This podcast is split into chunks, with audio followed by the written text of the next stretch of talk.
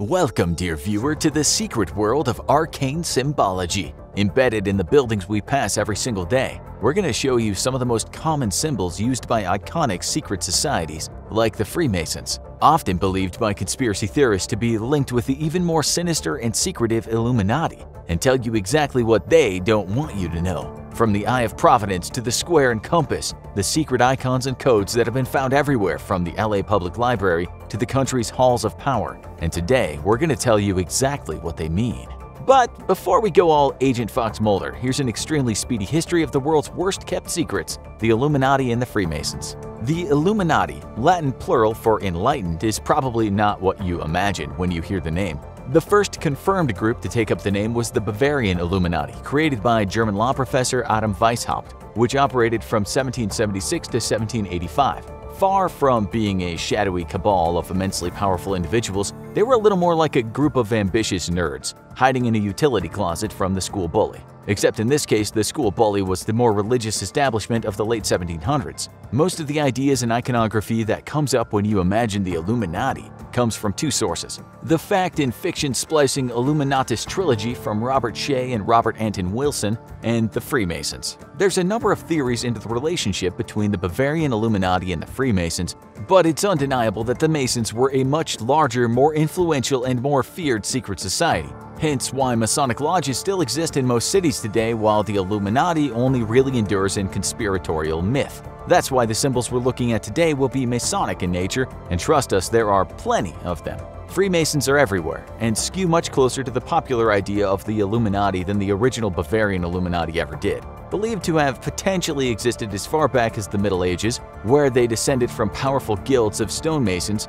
this group went on to become increasingly influential with the rise and expansion of the British Empire before taking off in North America. They've had some extremely famous and powerful members too, including George Washington, Franklin Delano Roosevelt, Winston Churchill, Nat King Cole, Mozart, Mark Twain, and J. Edgar Hoover. And the Mason in the name isn't just for show either. The Freemasons have had an intimate relationship with architecture for hundreds of years, hence why you're so likely to find their signs and symbols on buildings around you. So without further ado, let's take a look at these mysterious symbols and find out exactly what they mean. So next time you see them in the wild, you'll know exactly what you're looking at. Put on your Masonic apron and open your all-seeing eyes. We're ready to jump in.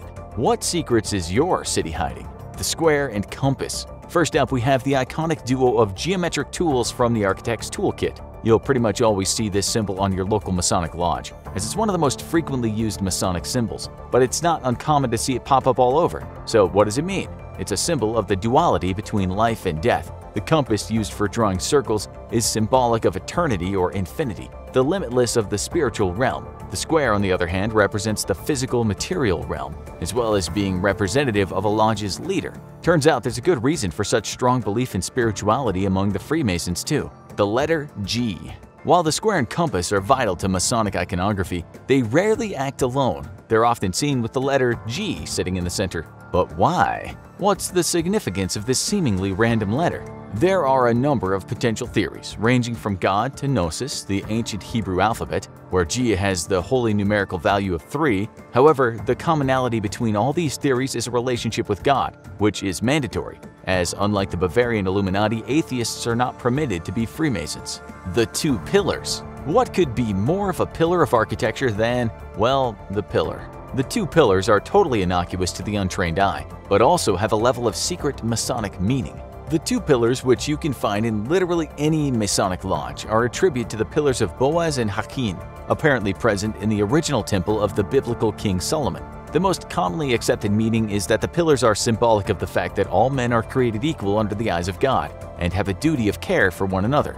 The number 7 the number 7 is considered a lucky or significant number in a variety of cultures, but like a number of seemingly random symbols, it has a different layer of resonance to members of the Freemasons. 7 is considered a perfect number as it combines the numbers 3 and 4, each symbolic of the triangle and the square, and thus being the perfect figures. It's also a prime number, meaning it cannot be divided by any number other than itself, and cannot be created by multiplication. As a result, it's often subtly inserted into Freemason structures, sometimes representing the consciousness or spirit of man.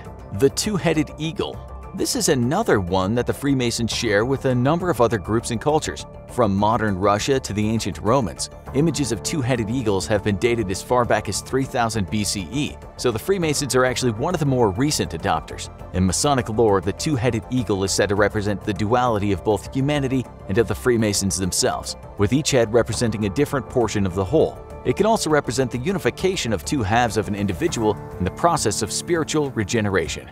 But it's not just the living that the Freemasons are interested in, Masonic coffins. If you've ever gone to a local cemetery to pay respects to a deceased friend or loved one, you might have seen some curious markings on the headstones, mausoleums, or above-ground coffins. And that's because Masonic pageantry extends even to the dead, as Masonic coffins are often emblazoned with symbols representing spiritual continuance and immortality. We'll get more into some of those later, though. The Winged Hourglass This is a symbol you'll often see engraved on clock towers or other buildings that feature large clocks. As you can probably intuit, the meaning of this winged hourglass is not only representing the eternal passage of time, but also the duality between life and death, with the upper portion of the hourglass representing life and the other representing death. The twisting of the hourglass is symbolic of the fact that life and death are just two parts of a continuous cycle and acts as a little memento mori to anyone in the know. The sheaf of corn Unless you live in an urban area, you probably wouldn't think twice about seeing a bound sheaf of corn leaning against or engraved into a new building. What you probably wouldn't realize is that you're staring at a Masonic symbol dating back to the era of King Solomon. The sheaf of corn is often used in dedication ceremonies and is said to be symbolic of being charitable to the less fortunate, as a farmer with a bountiful harvest would bless others with his crop. The gavel, a subtle symbol that you might see engraved into the side of a Freemason building. The gavel is an extremely important piece of Freemason iconography and is not to be confused with the silly little wooden hammer used by judges. The gavel is a reference to the huge hammers used by stonemasons to smash the rough edges off of large pieces of stone. It's often used to represent the leader of a Freemason lodge's authority and the Mason's desire to purge themselves of their human vices and failures in order to reach a state of perfection. No pressure, of course. The Acacia Tree While it's one of the less popular trees these days, the image of a sprig of acacia will often grace buildings related to the Freemasons, whether it's in a wall carving or a stained glass window. According to biblical text, Moses used woods from the acacia tree for everything from the Ark of the Covenant to his home furniture. It's symbolic of eternal life as well as redemption, as the Masonic meaning of the acacia tree is life rises up from the grave. Comparisons to the biblical tale of Lazarus have naturally also been drawn. The moon. That's right, you'll often see the moon on Masonic frescoes and engraved into impressive murals, and that's because, to the Freemasons, the moon means a whole lot more than controlling tides and werewolves. Freemasons respect the moon as the biblical ruler of the night, and also see it as symbolic of the duties of the Master of the Lodge, which must be performed as regularly as the moon rises in the night. The Beehive this pesky little symbol is actually a huge source of controversy among modern scholars, because the image of the beehive, often incorporated into stone carvings and murals on Freemason-associated buildings, is one of the oldest symbols on the books, going back hundreds or even thousands of years. One of the most commonly accepted connections is that the hive, being a picture of a perfect organization, is meant to be symbolic of an ideally run Masonic lodge. Connections have also been drawn to the concepts of industry and even the return of the soul.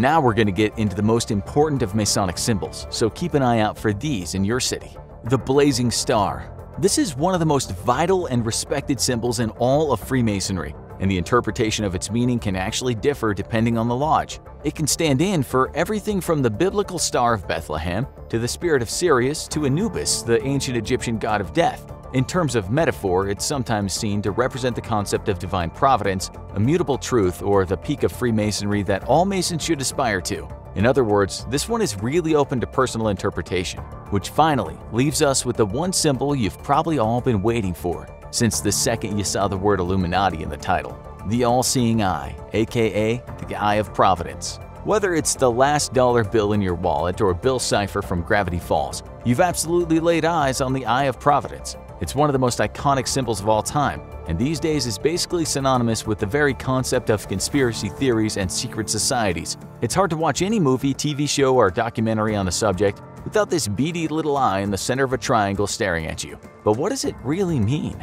The all-seeing eye first became part of standard Freemason iconography with the publishing of Thomas Smith Webb's Freemason Monitor in 1797. Rather than call to a dystopian mass surveillance as many modern conspiracy theorists probably imagine, the all-seeing eye was actually meant to remind Masons of their accountability to God, who is always watching their actions. It's not the eye of the Freemason staring out into everyone else, but the eye of God staring down and making sure none of the Freemasons step out of line. Not quite as sinister and exciting as New World Orders or other worldly occultic demons, but those are the facts. So now you know. While the Illuminati might be a largely mythic fixture of the past, the Freemasons are very much alive and kicking, with estimates placing them at around 6 million as of 2018. Are they a shadowy organization of devil worshippers seeking world power at any cost? No, probably not. But having most of the founding fathers in their ranks gives you an impression of the legacy they've left, even in signs and symbols across the United States. And thanks to this video, next time you see a staring eye of providence or a winged hourglass, you'll know exactly what you're looking at,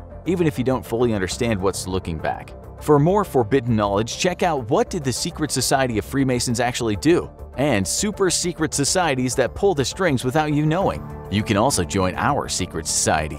All you need to do is hit subscribe. We're still working on the uh, secret handshake.